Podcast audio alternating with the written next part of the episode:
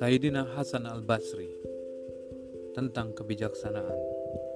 Al-Hasan al-Basri pernah mendengar seseorang berkata, Ya Allah, binasakanlah orang-orang yang berdosa. Beliau menanggapi, jika begitu, jalan-jalan akan sepi dan hakim akan sedikit. Beliau berkata, sesungguhnya agama Islam itu kuat dan kebenaran itu berat, sedangkan manusia itu lemah. Maka hendaknya siapa pun dari kalian mengambil sesuai yang ia mampu. Sesungguhnya, jika hamba membebani dirinya dengan amal di luar kemampuannya, maka dikhawatirkan ia akan lelah dan lalu meninggalkan amalannya tersebut. Beliau berkata, sakit itu adalah zakat badan, sebagaimana sedekah merupakan zakat harta. Setiap jasad yang tidak sakit, seumpama harta yang tidak dizakati. Beliau berkata, amal yang paling utama adalah berpikir dan bersikap warok. Siapa saja yang hidupnya menjalankan prinsip tersebut, maka dia akan berhasil. Namun jika tidak, hendaknya ia meninjau kembali hidupnya. Beliau berkata, gagasan ideal adalah cermin yang menampakkan kebaikan, kebaikanmu dan menyingkirkan keburukanmu. Maka siapa yang bersandar pada gagasan idealnya, dia akan berhasil, dan yang melalaikannya, dia akan menyesal. Suatu hari seorang berkata kepadanya, Wahai Abu Sa'id, engkau telah menyampaikan sesuatu hadis padaku, namun aku lupa. Al-Hasan al-Basri menjawab, Jika bukan karena lupa, maka jumlah fukaha akan berlimpah. Aban berkata, Suatu hari aku bertamu ke rumah Al-Hasan Al-Basri. Aku bertanya kepada beliau, Apakah engkau sudah menjalankan sholat? Beliau menjawab, Belum. Aku berkata, Para pedagang saja sudah menjalankannya. Al-Hasan Al-Basri menjawab, Siapa yang mau mencontoh keberagaman daripada pedagang? Jika dagangannya laris, mereka melambatkan sholatnya atau mengakhirkan sholatnya. Namun jika dagangannya tidak laku, mereka bersegera dalam sholat. Beliau berkata, berhati-hatilah dengan tiga hal yang dirimu tidak mampu mengelak dari godaan setan. Janganlah engkau berduaan dengan lawan jenismu, meskipun dengan alasan mengajarinya Al-Quran. Janganlah engkau mengunjungi pejabat, meskipun dengan alasan amar ma'ruf nahi mungkar. Dan janganlah berteman dengan ahli bid'ah, sebab ia menyebarkan penyakit ke dalam kalbumu dan merusak agamamu. Beliau berkata, kenikmatan telah hilang dari tiga hal, dari solat, dari membaca Al-Quran, dan dari zikir. Jika engkau menemukan kenikmatan itu, maka teruskanlah dan bergembiralah. Jika tidak, sadarlah bahwa pintumu sedang terkunci, maka bertobatlah untuk dapat membukanya. Beliau berkata, "Jika bukan lantaran tiga hal, manusia tidak akan menyungkurkan kepalanya. Tiga hal itu adalah kematian, sakit, dan kefakiran. Jika tiga hal itu teratasi, tentu manusia akan terbang." Beliau berkata, "Wahai manusia, demi Allah, sesungguhnya kita diciptakan bukan untuk menjadi fana, kita diciptakan untuk menjadi baka. Kita hanya pindah dari alam ke alam. Abu Al-Ala Al-Ma'ri menendangkan sebuah syair. Manusia diciptakan untuk menjadi kekal, hingga ada umat yang meyakini mereka diciptakan untuk binasa. Padahal mereka hanya pindah dari negeri amal ibadah menuju negeri nestapa atau bahagia. Beliau berkata, Siapa yang menemani ahli bid'ah, maka ia telah berusaha menghancurkan Islamnya. Beliau berkata, diriwayatkan dari Nabi SAW bahwa beliau bersabda, jika orang fasik dipuji, maka Allah akan marah. Beliau berkata, berhati-hatilah terhadap orang ahli ibadah yang bodoh dan orang alim yang fasik, karena keduanya sumber fitnah bagi semua terfitnah. Wa minallah taufiq.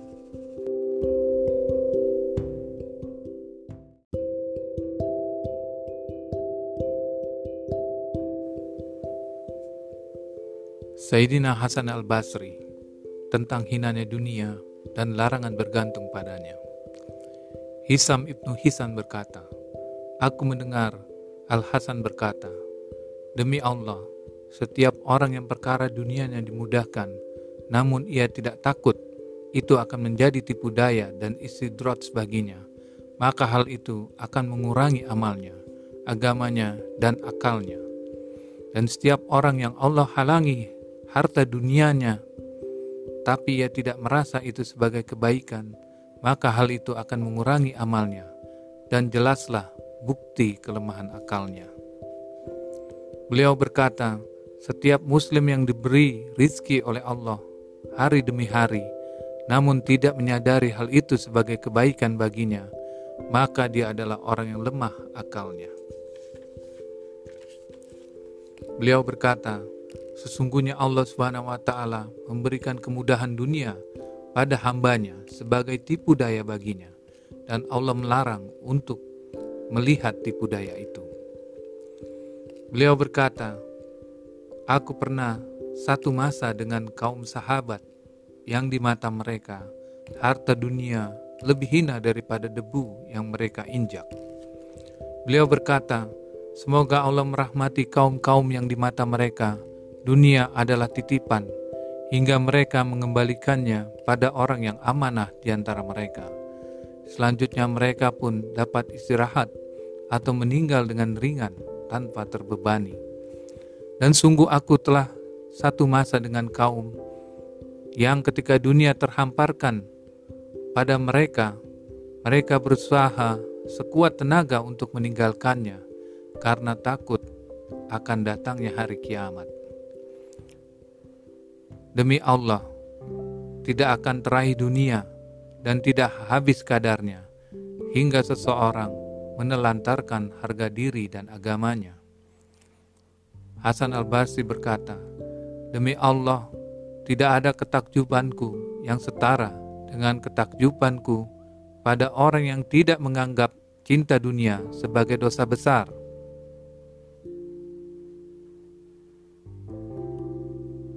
Demi Allah, sesungguhnya mencintai dunia adalah salah satu dari dosa besar.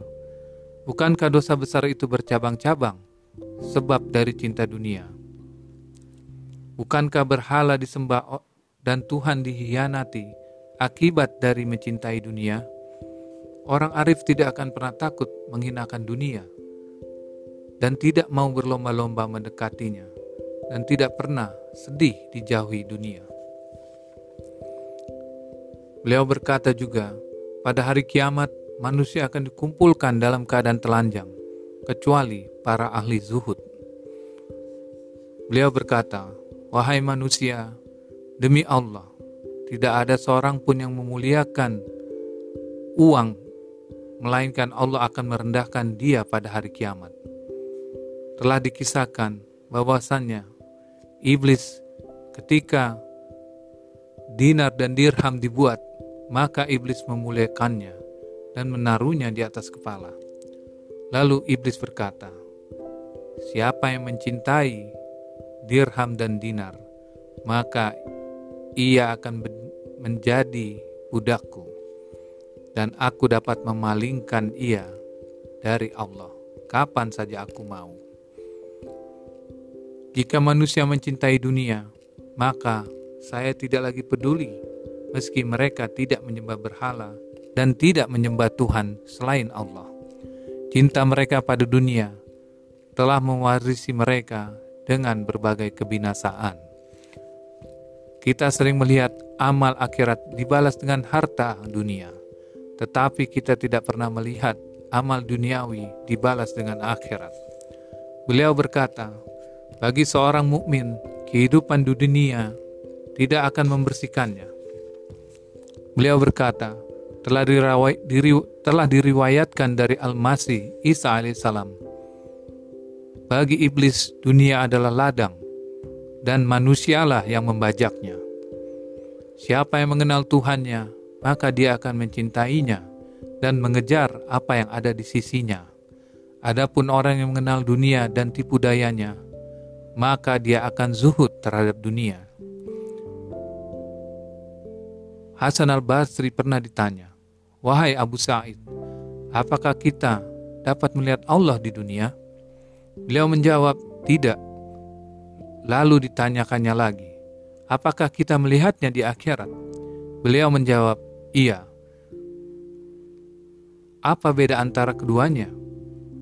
Lalu beliau menjawab, sesungguhnya dunia ini fana, dan semua yang ada di dalamnya juga fana sedangkan akhirat adalah baka, dan semua yang ada di dalamnya baka. Maka mustahil sesuatu yang baka dilihat dengan sesuatu yang fana, dan sesuatu yang kadim dilihat dengan sesuatu yang baru. Jika hari kiamat kelak, Allah akan menciptakan mata-mata yang baka bagi hamba-hambanya demi memuliakan dan mengutamakan mereka. Dengan mata itu, mereka melihat Tuhan mereka. Hasan al-Basri berkata, telah direwayatkan bahwasannya Umar bin Khattab pernah bertamu ke rumah Rasulullah SAW. Saat itu beliau SAW sedang berbaring di atas tikar berpasir yang terhampar. Dan pada pinggangnya terlihat ada bekas tikar. Umar bin Khattab meneteskan air mata. Maka Nabi SAW bertanya, Ada apa denganmu, wahai Ibnu Al-Khattab? Maka Umar menjawab, Aku teringat akan Kisroh dan Kaisar dengan segala kenikmatan dan kerajaan yang mereka miliki. Sedangkan aku melihat kondisimu saat ini, padahal engkau adalah utusan Allah, teman sejati Allah, pilihan Allah, dan kekasih Allah. Engkau tidur di atas tikar berpasir yang terhampar. Maka Nabi SAW berkata, Wahai Umar, Tidakkah engkau rela jika dunia ini mereka miliki dan akhirat untuk kita? Umar menjawab, Aku rela wahai Rasulullah. Lalu Nabi SAW berkata, Ketahuilah wahai Umar, seperti itulah aturannya.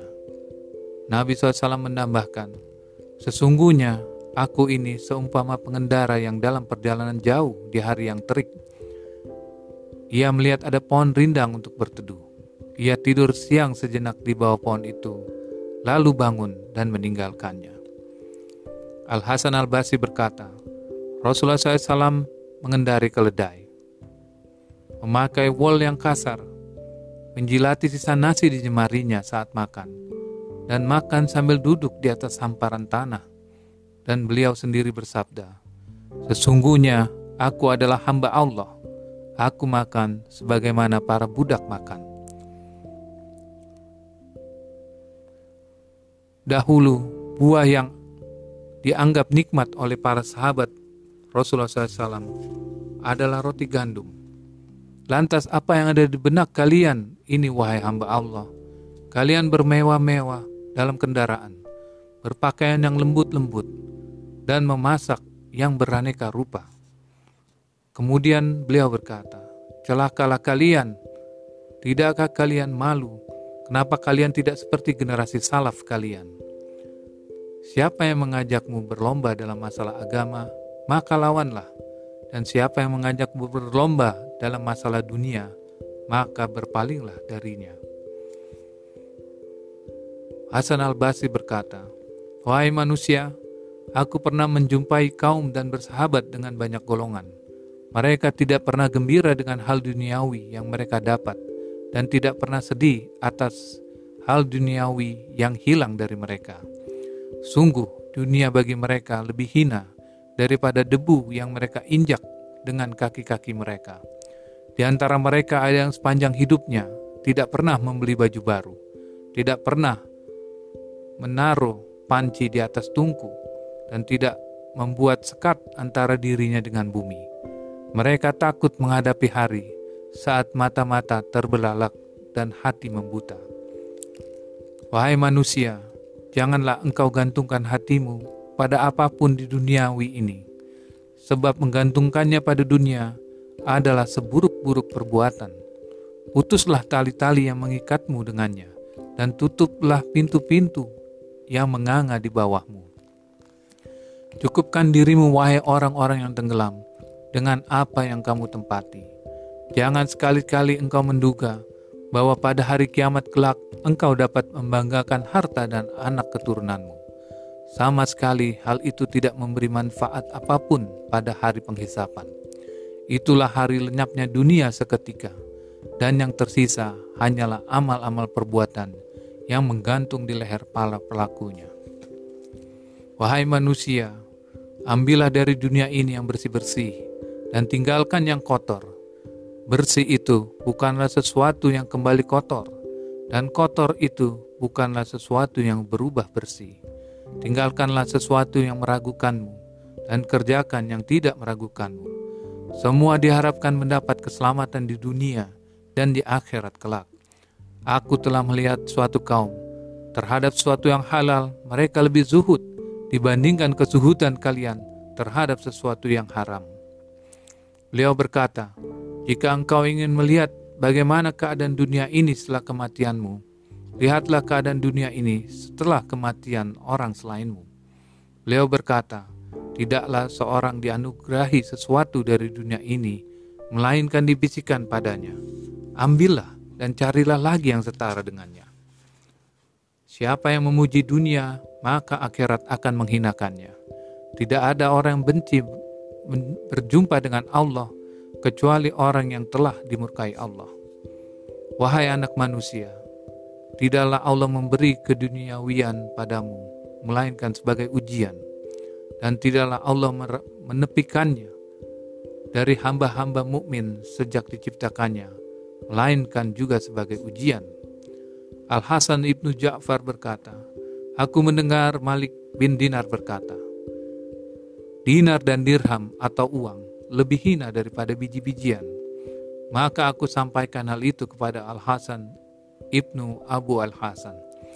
Maka ia menjawab, Semoga Allah merahmati Malik. Keduanya bagiku lebih hina daripada kerikil. Biji-bijian masih dimakan binatang, dan orang-orang masih bisa mengambil manfaat darinya. Sedangkan uang itu membunuh orang yang mencarinya.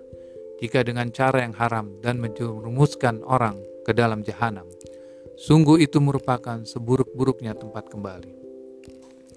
Hasan al-Basri juga berkata, sesungguhnya yang mendorong pengharap dunia menjadi zuhud, memastikannya meninggalkan dunia, dan mengharuskannya tidak banting tulang untuk mendapatkannya adalah kesadarannya bahwa rizki itu tidak dibagi di dunia dengan cara bertaruh tanpa kepastian.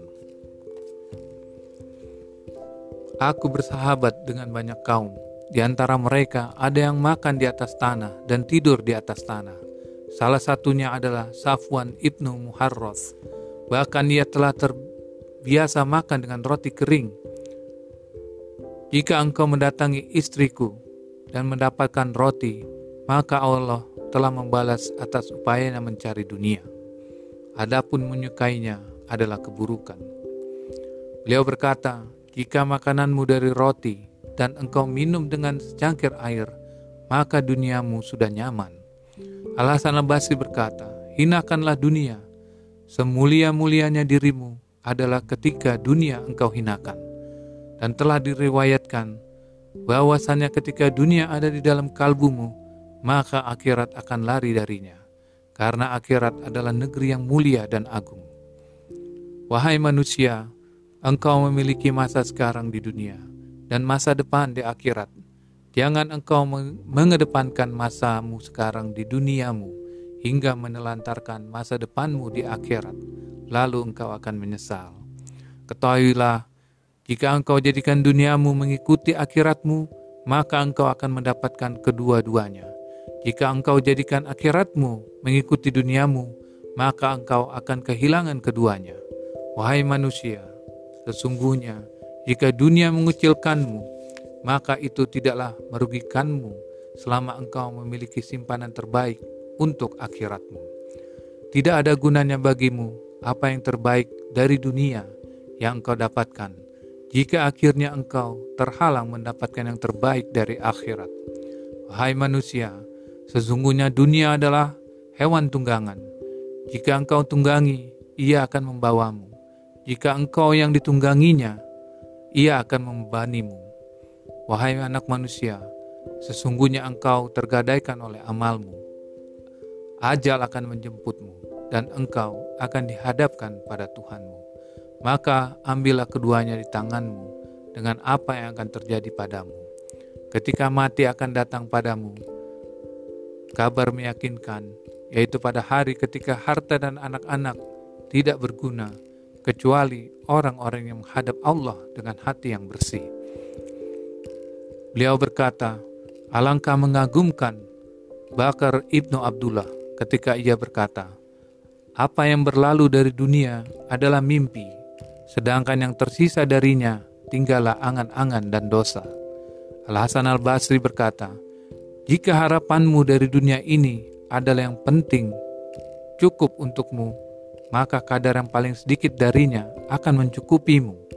Namun jika engkau menggali dunia untuk mencukupimu, maka tidak ada sesuatu pun yang dapat mencukupimu. Sungguhnya, kematian menyingkap hakikat dunia, dan ia tidak pernah meninggalkan kebahagiaan bagi seseorang pun.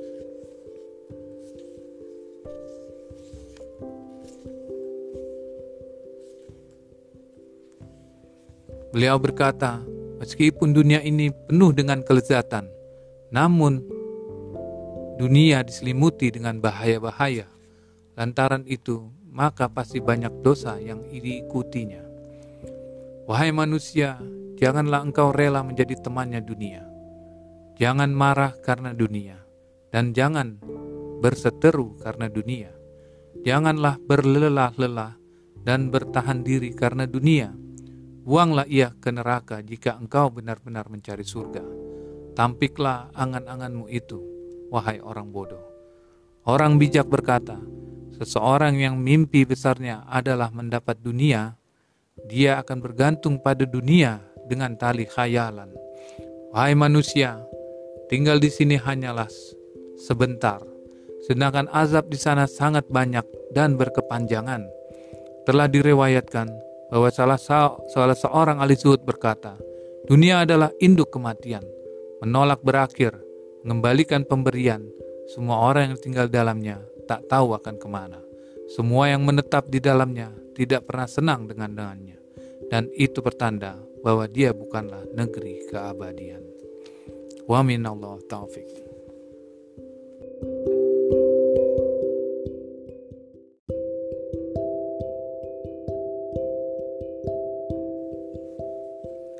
Sayyidina Hasan al-Basri tentang keutamaan istighfar, doa, larangan berpura-pura, dan ria.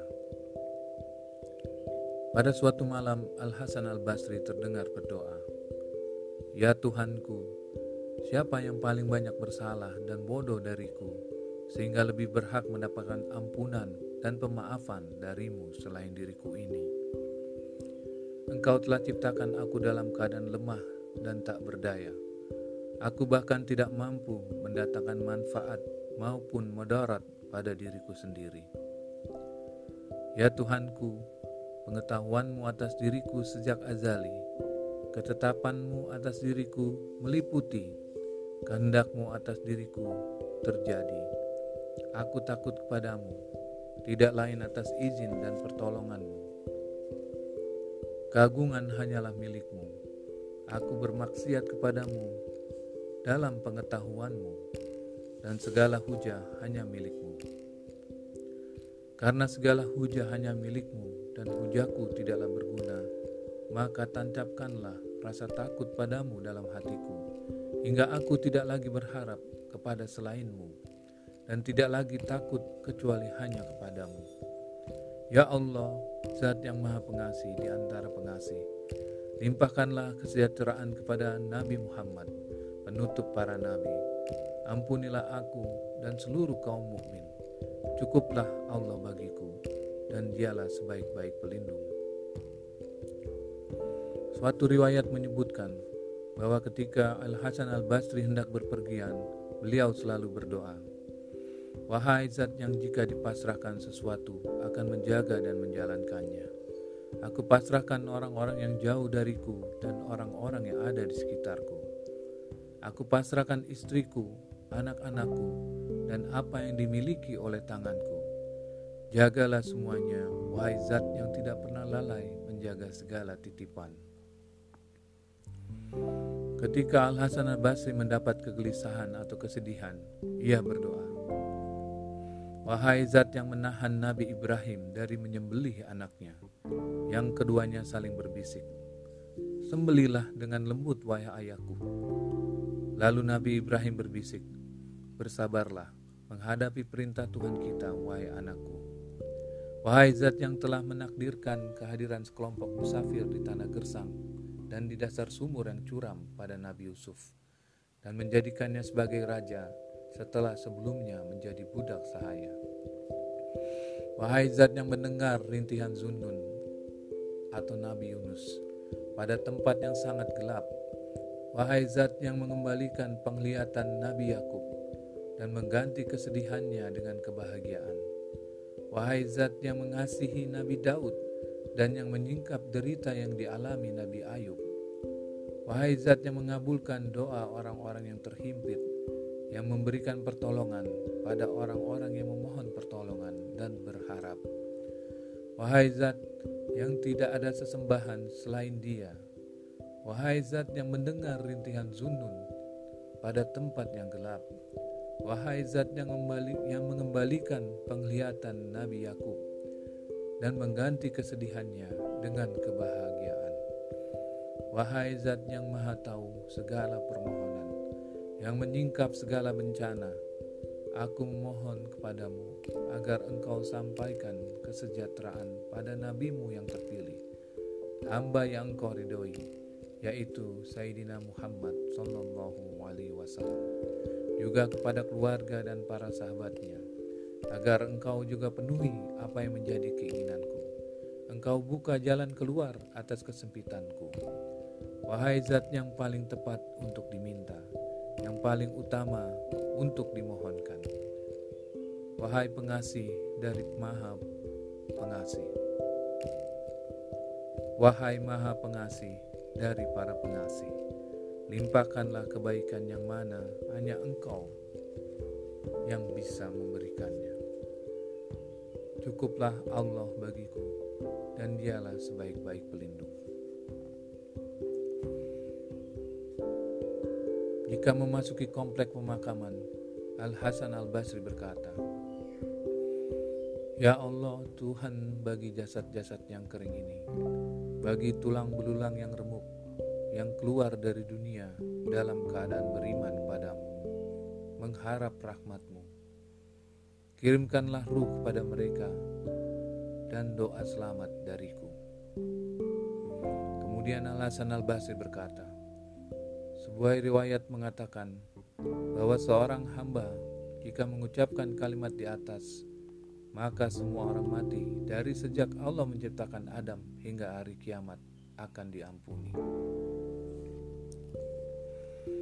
Sebuah riwayat menyebutkan bahwa Al-Hajjaj pernah mencari dan menakutinya. Maka Al-Hasan Al-Basri berdoa, Wahai zat yang mendengar doaku, Wahai zat yang menjadi pelarianku saat musibah menimpaku, Wahai zat yang menjadi pelarianku saat musibah menimpaku, Wahai zat yang menyingkap duka dan kesempitanku, Wahai zat yang mengasihiku dan sebaik-baik pelindung bagiku. Wahai Tuhanku, wahai Tuhannya Ibrahim, Ismail, Ishak, Yakub, Asbat, Musa, Isa, dan Muhammad SAW, dan Tuhannya seluruh manusia, dengan kebenaran kaf ha ya ain sod toha yasin dan Al-Quran limpahkanlah kesejahteraan bagi Nabi Muhammad dan keluarga Nabi Muhammad yang suci. Cukupkanlah perlindunganmu pada diriku dari segala mara bahaya, bahaya dari segala sumber bahaya, dan selamatkanlah aku dari Al-Hajjaj dan kelompoknya, golongan dan pasukannya. Palingkanlah ia dariku dengan kekuatanmu, cegahlah kejahatan dan bahayanya terhadapku dan janganlah engkau beri dia jalan untuk mencelakaiku. Wahai Tuhan seluruh alam, dan limpahkanlah kesejahteraan dan keselamatan pada baginda Muhammad Sallallahu Alaihi Wasallam, penutup para Jika Al Hasan Al Basri sakit, maka dia berdoa, Ya Allah, janganlah engkau jadikan aku termasuk orang yang menyesal ketika sakit, dan ketika sembuh berbuat dosa, dan jika sempit bersedih. Ya Allah, cukupilah aku sebagaimana engkau memberi kecukupan kepada orang-orang yang memohon kecukupan kepadamu Berilah aku kesehatan sebagaimana engkau memberi kesehatan kepada orang-orang yang memohon kesehatan kepadamu. Dan berilah aku taufik dan menggapai ridho dan mahabamu ya Allah. Wahai zat yang mengasihi hamba hamba yang memohon belas kasih kepadanya dan mengabulkan doa orang-orang yang bermunajat kepadanya. Ada riwayat mengatakan bahwa ada seorang khawarij menghadiri majelisnya Al-Hasan Al-Basri hingga orang khawarij itu menyakiti hati salah satu anggota majelis. Maka diusulkanlah pada Al-Hasan Al-Basri. Tidakkah sebaiknya engkau adukan saja kepada Amir? Al-Hasan Al-Basri berkata, saya berharap Tuhannya Amir dapat memberikan cukup perlindungan pada kita dari orang itu. Ketika orang Khawarij itu datang lagi, maka Al-Hasan Al-Basri menghadap kiblat dan berdoa. Ya Allah, cukupilah perlindungan untuk kami dari bahaya orang tersebut sekehendakmu. Maka orang kawaris itu tersungkur dari kudanya dan dibawa oleh keluarganya ke dalam keadaan sudah meninggal. Lantas Al-Bas, Al-Hasan Al-Basri diberitahu mengenai hal itu, maka dia berkata, Segala puji bagi Allah yang telah mencukupi hambanya yang memohon kecukupan kepadanya dan menerima doa hamba yang memohon kepadanya. Ketika sampai kabar kepada Al-Hasan Al-Basri tentang kematian Al-Hajjaj, maka ia berkata, Ya Allah, sesungguhnya dia adalah orang yang durhaka kepadamu. Ya Allah, matikanlah pengaruhnya. Al-Hasan Al-Basri sesuai dari mengisi di majelisnya berkata, Al-Hasan Al-Basri seusai dari mengisi di majelisnya berkata, Ya Allah, pertemukanlah aku dengan orang-orang saleh terdahulu dan jadikanlah aku termasuk orang-orang saleh yang masih ada. Lindungilah aku dari kejahatan diriku dan kejahatan setiap orang yang menjadi sumber kejahatan. Al-Hasan Al-Basri jika usai menghatamkan Al-Quran, beliau berdoa, Maha benar Allah, Zat yang tiada Tuhan selain dia, yang maha hidup, yang tidak pernah mati. Dan para Rasul yang mulia telah menyampaikan firman, sedangkan kami bersaksi atas kebenaran apa yang difirmankan Tuhan kami, dan yang disabdakan junjungan kami. Dan segala puji bagi Allah, Tuhan seluruh alam. Semoga Allah melimpahkan rahmat kepada Muhammad Sallallahu Alaihi Wasallam, penutup para nabi, juga atas keluarganya yang suci, para sahabat yang terpilih, serta istri-istri beliau sebagai ibunya kaum mukmin. Ya Allah, sesungguhnya Engkau telah mengajarkan Al-Quran kepada kami, bahkan sebelum kami mencintai mengajarkan Al-Quran. Engkau telah memuliakan kami dengan Al-Quran sebelum kami tahu akan kemuliaannya. Engkau anugerah Engkau anugerahkan Al-Quran kepada kami sebelum kami tahu akan manfaatnya. Ya Allah, sesungguhnya Al-Quran merupakan anugerah dan kebaikan darimu, kemuliaan dan bukti kasih sayangmu, serta rahmatmu pada kami. Engkau berikan keluasan kepada kami tanpa ada upaya, tanpa ada usaha, dan kekuatan dan kuasa dari kami. Engkau berikan keluasan kepada kami, Engkau berikan kelapangan kepada kami, tanpa ada upaya dan usaha, serta kekuatan dan kuasa dari kami. Ya Allah, anugerahkanlah kepada kami kemampuan untuk menjaga hak Al-Quran, membacanya dengan baik, menghafal ayat-ayatnya, dan mengamalkan hukum yang pasti dan mendapat penjelasan atas ayat-ayatnya yang mutasyabih. Ya Allah, berikanlah petunjuk pada kami dengan hidayah Al-Quran dan terangilah kalbu kami dengan basirah Al-Quran. Wa minallah taufiq.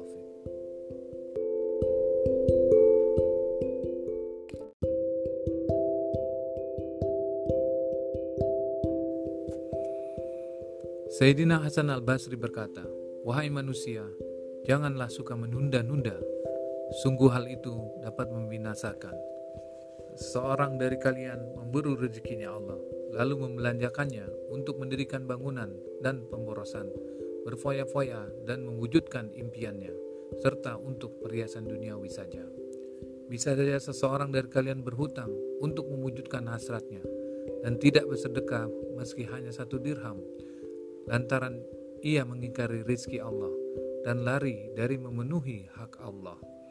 Engkau akan belajar mengenai hal itu, wahai orang yang lalai. Beliau berkata, sesungguhnya mukmin yang cerdik itu melihat dan meneliti, berpikir dan menyimpulkan, mengejar dunia lalu menghancurkannya, kemudian membangun akhiratnya. Dia tidak akan merobohkan akhiratnya demi membangun dunianya Selamanya ia akan seperti itu hingga menjumpai Robnya. Maka dia akan ridho dan Robnya pun meridoinya. Sedangkan orang munafik, ia memburu dunia dan berlomba-lomba menggapainya. Ia buta akan akhiratnya. Ia jadikan dunia sebagai Tuhan. Celakalah dia. Apakah dia diciptakan untuk dunia? Apakah dia diperintahkan untuk mengumpulkan harta dunia? Orang yang tenggelam kelak akan tahu pada harinya. Sebagaimana difirmankan dalam surat Ar-Rahman ayat 41. Orang-orang yang berdosa itu diketahui dengan tanda-tandanya, lalu direnggut ubun-ubun dan kakinya.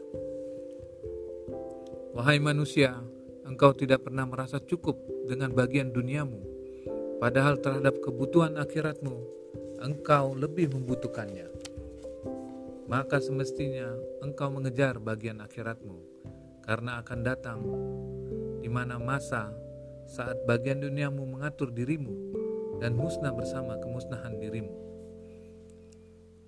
Sayyidina Hasan al-Basri berkata, Wahai manusia, engkau tahu akan dunia, akhirat tak terlihat olehmu, ajal mendekatimu, dan engkau diperintahkan untuk beramal ibadah, sedangkan hak Allah adalah wajib engkau penuhi.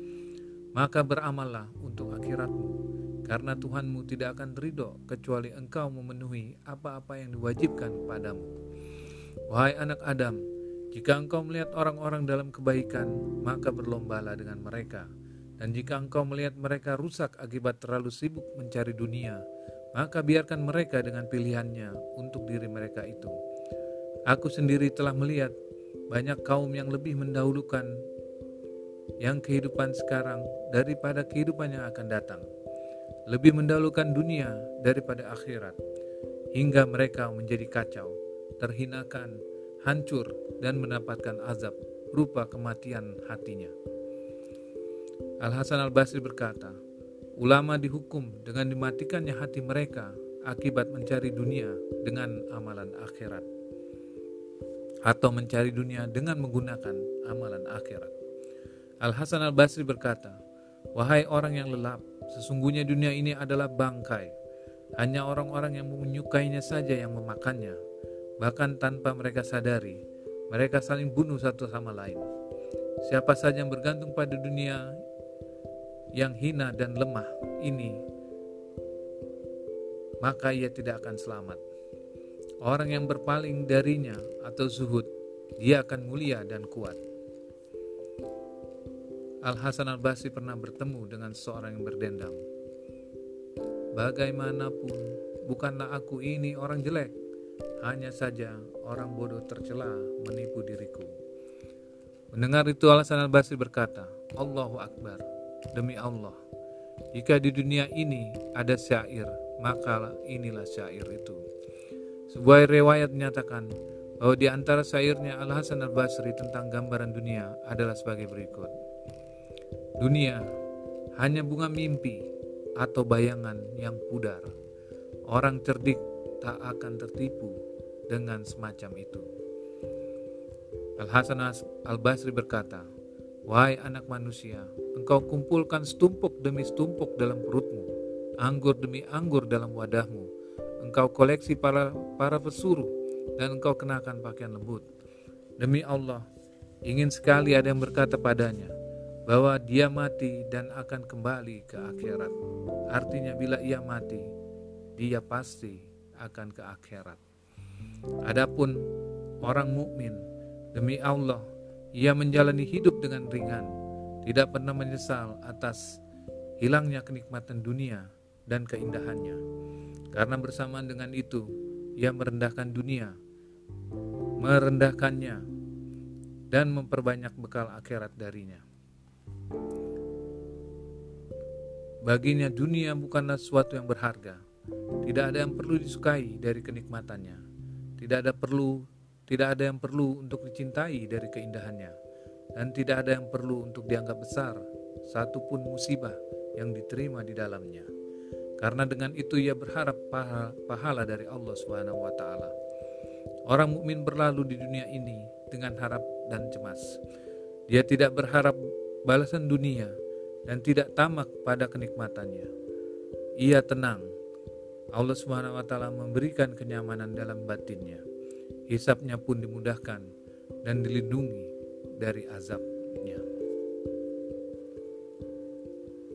Al-Hasan al-Basri berkata, Sesungguhnya pagi petang menjelang malam, malam akhir dan tengah hari, jangan membuatmu tercengang, terdiam, dan tidak beranjak menuju ridho Allah terhadap dirimu dengan amal ibadah yang bisa memasukkanmu ke dalam surga dan menjadikanmu termasuk orang-orang yang beruntung. Al-Hasan al-Basri berkata, Wahai umat manusia, sesungguhnya Allah tidak terperdaya oleh surganya, dan dia tidak akan memberikan surga pada seorang hambanya dengan khalayak, dengan khayalannya, melainkan dengan amalnya. Al-Hasan al-Basri berkata, Wahai umat manusia, engkau harus zuhud dari dunia ini, sebagaimana telah diriwayatkan bahwa Nabi Isa alaihissalam pernah berkata, Lauk paukku adalah lapar, mahkotaku adalah takut pada Allah, pakaianku adalah bulu domba, penghangatku adalah terik siang, lampuku adalah bulan, tungganganku adalah dua kakiku, buah-buahanku adalah rerumputan, tetapi pengetahuan Allah pengetahuan Allah akan diriku yang tidur tanpa memiliki apa pun, lalu aku bangun tanpa memiliki apa pun jua, membuatku merasa tidak ada orang yang lebih kaya dariku di dunia ini. Al-Hasan al-Basri berkata, telah diriwayatkan bahwanya Rasulullah SAW pada suatu hari bersabda, Demi zat yang jiwa Muhammad ada dalam genggamannya. Hari ini keluarga Muhammad tidak memiliki makanan dan keluarga ini ada jumlahnya sembilan rumah.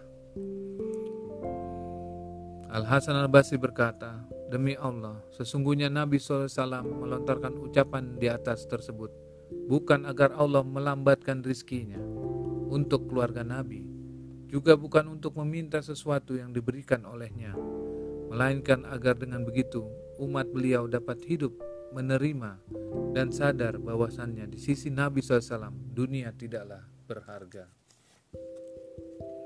Al-Hasan al-Basri berkata, Pernah ditawarkan pada Rasulullah SAW berbagai macam kunci kekayaan dunia dan perbendaharaan bumi yang sama sekali tidak mengurangi pahala beliau jika beliau mengambilnya. Namun Nabi SAW tidak mau menerimanya. Beliau tidak ingin berpaling dari Tuhannya akibat mencintai apa yang Allah benci atau memuliakan apa yang Allah hinakan. Ada riwayat mengatakan bahwa Nabi SAW bersabda, Siapa yang hidup zuhud di dunia ini, maka berbagai ujian akan menjadi ringan baginya. Al-Hasan al-Basri berkata, sebuah riwayat menyatakan bahwa kelak pada hari kiamat, dunia dihadirkan tertati-tati bersama perhiasan, bersama semua perhiasan yang tersimpan di dalamnya. Dari sejak pertama ia diciptakan Allah Subhanahu wa taala hingga hari kiamat. Lantas dunia bertanya, "Wahai Rabbku, Apakah engkau menciptakanku untuk salah seorang walimu? Maka Allah berfirman, diamlah. Tidak ada makhluk yang kuciptakan yang paling aku benci selain dirimu, wahai dunia. Termasuk orang yang mengejarmu dan lebih memilih dirimu daripada apa yang ada di sisiku. Al-Hasan al-Basri berkata, orang mukmin adalah tahanan di dunia.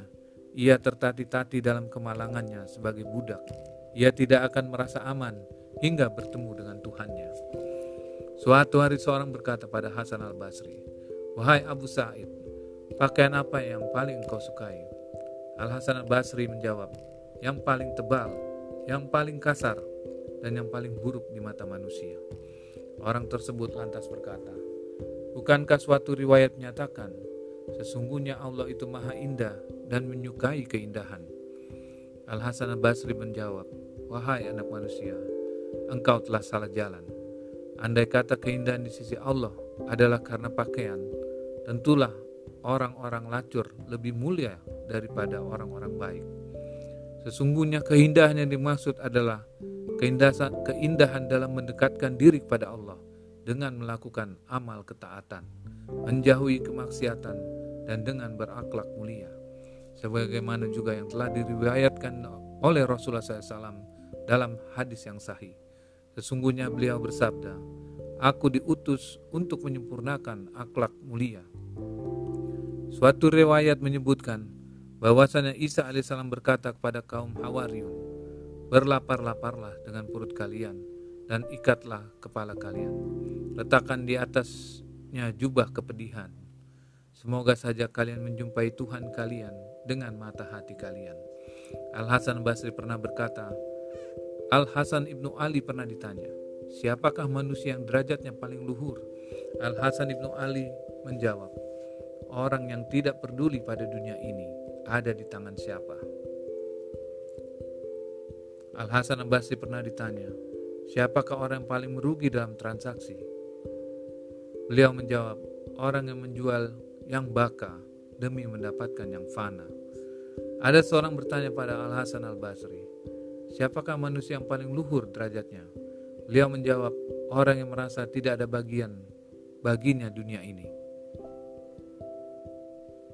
Suatu riwayat menyebutkan bahwasannya seseorang berkata kepada Rasulullah SAW, Tunjukkanlah padaku suatu amal yang tidak aku jalankan, maka Allah akan mencintaiku dan manusia juga mencintaiku. Beliau menjawab, Zuhudlah engkau terhadap dunia maka Allah akan mencintaimu. Dan zuhudlah terhadap apa yang dimiliki manusia, maka mereka akan mencintaimu. Al-Hasan Al-Basri pernah berkata, pada saat bangun pagi, seseorang hamba wajib melakukan empat hal. Mencintai Allah, mencintai agama Allah, mencintai akhirat, dan membenci dunia. Seorang pernah berkata kepada beliau, Wahai Abu Sa'id, apa pendapatmu tentang dunia ini? Maka beliau menjawab, apalagi yang bisa saya katakan terhadap negeri yang mengkonsumsi barang halalnya akan dihisap dan mengkonsumsi barang haramnya mendapat balasan azab. Orang tersebut lalu berkata, Demi Allah, aku tidak pernah mendengar perkataan yang sebijak perkataan ini. Al-Hasan al-Basri menyela, namun perkataan Amr bin Abdul Aziz lebih bijak dan lebih dalam daripada perkataanku. Ya ini ketika seorang amil dari Himsya menulis surat kepadanya bahwa tiang-tiang kota telah rubuh dan membutuhkan renovasi. Maka Amir bin Abdul Aziz menulis surat dan membalasnya. Jagalah kotamu dengan keadilan dan bersihkan dari kezaliman. Amankan dari segala mara bahaya, maka engkau dapat berharap kota itu selamat. Al-Hasan al-Basri pernah berkata, suatu riwayat menyebutkan bahwasanya Allah memahyukan, memahyukan pada dunia. Pada siapa saja yang melayaniku, maka layanilah dia. Dan pada siapa saja yang melayanimu, maka jadikanlah dia budak. Riwayat dari Al-Hasan al-Basri tentang sedikit berangan-angan. Al-Hasan Abasi pernah berkata, Wahai anak Adam, injaklah bumi ini dengan kakimu. Sesungguhnya sekian jengkal darinya kelak menjadi kuburmu. Jangan sampai engkau lalai, karena setiap saat umurmu berkurang, bahkan sejak dari kelahiranmu, dari perut ibumu. Wahai anak Adam, janganlah engkau rusak hati ini dengan angan-angan untuk hari esok. Bersyukurlah saja dengan hari ini, jika memang engkau masih ada umur atau ada rizki yang datang padamu. Al-Hasan al-Basri berkata, Semoga Allah merahmati hambanya yang merasa hidup ini hanyalah satu kali dan hanya cukup dapat makanan untuk bertahan hidup dan cukup mempunyai akhlak sebagai pakaiannya. Hidup sederhana, giat beribadah kepada Allah sampai ajal datang menjemput. Dan seperti itulah Al-Hasan Al-Basri. Al-Hasan Al-Basri berkata, Orang yang banyak berkhayal pasti malas beramal. Ada riwayat mengatakan beliau ber, berjumpa dengan penjual budak yang menawarkan budak perempuan dengan harga yang mahal. Maka Hasan al-Basri berkata, Juallah dengan satu dirham saja, karena Allah menjual bidadari kepada hamba-hambanya dengan sedekah dan sesuap nasi. Lalu beliau berkata, Wahai anak Adam, puasalah seakan-akan ketika engkau haus tak ada lagi air untuk diminum, dan saat engkau minum, seolah tak ada lagi akan ada rasa haus.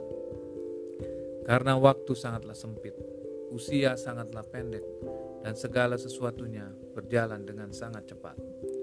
Al-Hasan al-Basri berkata, kami pernah mengunjungi Safwan bin Mu'ris yang tinggal dalam sebuah rumah bambu yang hampir rubuh. Lantas kami berkata, Semoga Allah selalu melimpahkan kebaikan kepadamu. Semoga Allah memudahkan kamu membangun rumah ini. Maka Safwan bin Mu'ris berkata, Betapa banyak orang mati, sedangkan rumah ini tetap doyong seperti ini. Al-Hasan al-Basri berkata, Aku pernah melihat seseorang dalam kesempitan, lantas ia diberi sedekah satu dirham.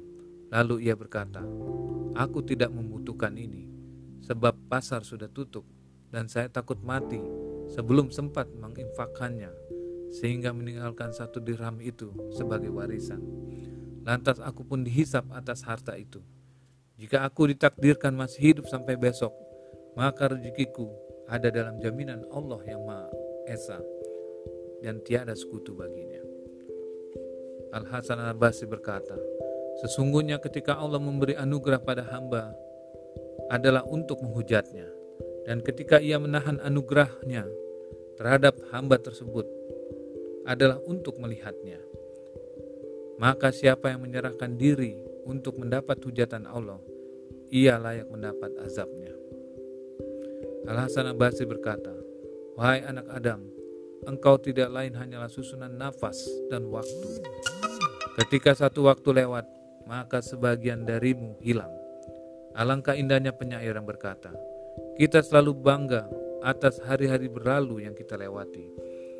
Sedang pada setiap hari itu pula sebagian ajal kita pergi. Maka giatlah beramal sebelum datang hari kematian. Sebab untung dan rugi bergantung pada amal. Al-Hasan al-Basri berkata, Wahai anak Adam, engkau punya ajal dan khayalan. Ada kalanya khayalanmu tercapai, sehingga dekatlah ajalmu ada kalanya ajalmu menjemput sebelum khayalanmu tercapai. Ada tiga orang berbincang mengenai khayalan mereka. Salah satu dari mereka berkata, "Setiap bulan yang berlalu, saya selalu ingin mati di dalamnya." Seseorang yang lain berkata, "Setiap hari yang berlalu, saya selalu ingin mati di dalamnya." Seseorang lain lagi berkata, "Sungguh mengherankan orang yang berkhayal seperti itu." Padahal ajalnya bukan di tangan dirinya, dan rezekinya adalah jamin ada dalam jaminan zat selain dirinya. Lalu ia bersyair, kematian tidak datang melainkan pada tempatnya. Orang juga telah tahu bahwa waktu bukan darinya. Al-Hasan al-Basri berkata, ada riwayat yang mengatakan bahwa ketika Allah menciptakan Adam, dia tetapkan ajal di antara kedua matanya dan hayalan di belakang punggungnya. Namun setelah terjadi kesalahan saat memakan buah kuldi, maka berpindahlah sehingga hayalan ada di antara kedua matanya dan ajal ada di belakang punggungnya. Hal ini telah menjelaskan kenapa manusia lebih banyak berhayal dan lupa akan ajalnya. Hasan al-Basri berkata, Wahai anak Adam, seandainya engkau berpendek jalan ajalmu, maka hayalanmu akan murka.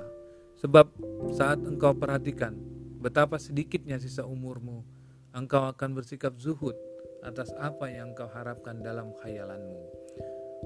Ada riwayat mengatakan bahwa pada suatu hari Sayyidina Hasan al-Basri mensolati jenazah seseorang. Kemudian beliau berjalan mengantarkan jenazah tersebut hingga ke kuburan. Lalu beliau berkata, Sesungguhnya jenazah ini meninggalkan pesan untuk hamba-hamba Allah yang memiliki kalbu yang hidup. Namun sayangnya, hati-hati kalbu-kalbu kita telah mati. Wahai para manusia, sesungguhnya kematian menyingkap dunia, sehingga orang yang berhati bersih di dunia ini tak akan pernah bersukaria setelah melihat kematian. Semoga Allah merahmati siapa saja yang mencari bekal di dunia ini dan mengabaikan kemewahan demi menghadapi hari saat ia miskin dan papa.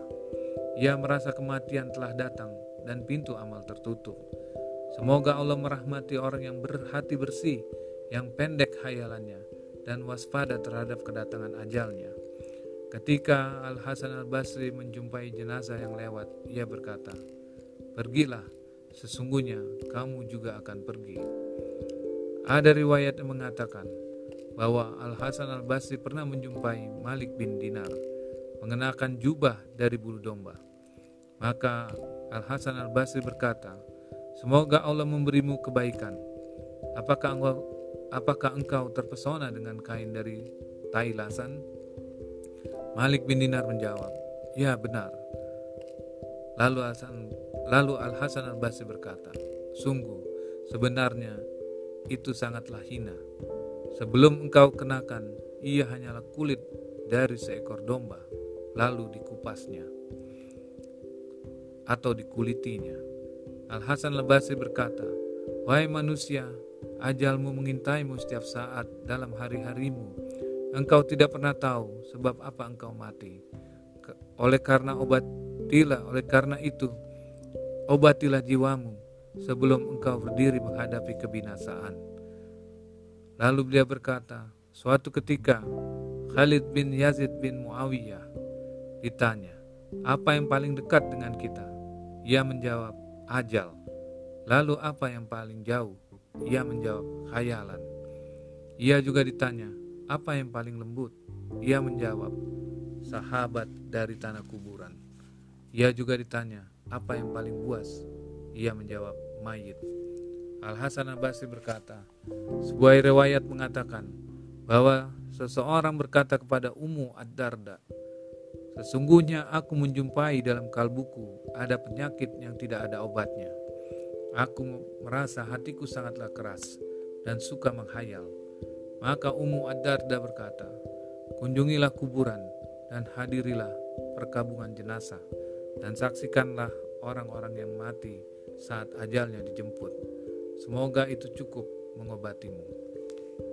Lalu Sayyidina Hasan al-Basri berkata, pada suatu batu tertulis, Wahai anak manusia, sesungguhnya jika engkau tahu bahwa ajalmu dekat, tentu saja engkau enggan melanjutkan khayalanmu, sehingga engkau lebih senang meningkatkan amal ibadahmu. Engkau juga tidak akan kikir dan akan banyak berkilah dari sedekah engkau juga tidak akan kikir dan tidak banyak berkilah dari sedekah. Sesungguhnya yang akan engkau jumpai hari esok adalah penyesalanmu belaka. Ketika kakimu tergelincir dan jatuh, lalu golongan dan pelayanmu menyelamatkanmu. Kerabat tidak akan tahu menau dan kekasih pun berpaling. Bahkan engkau memanggil-manggil, namun tidak ada yang mau mendengar. Sesungguhnya jeda antara seseorang dengan Nabi Adam adalah ayahnya yang telah mati di antara orang-orang yang telah mati. Beliau berkata, perumpamaan ulama di tengah-tengah orang-orang yang bodoh adalah seperti dokter di tengah orang-orang yang sakit. Al-Hasan al-Basri pernah mendengar Al-Hajjaj ibnu Al-Khatib khutbah di atas mimbar di kota Basra. Wahai manusia, sesungguhnya Allah taala telah menggariskan bahwa dunia ini fana dan akhirat kekal abadi.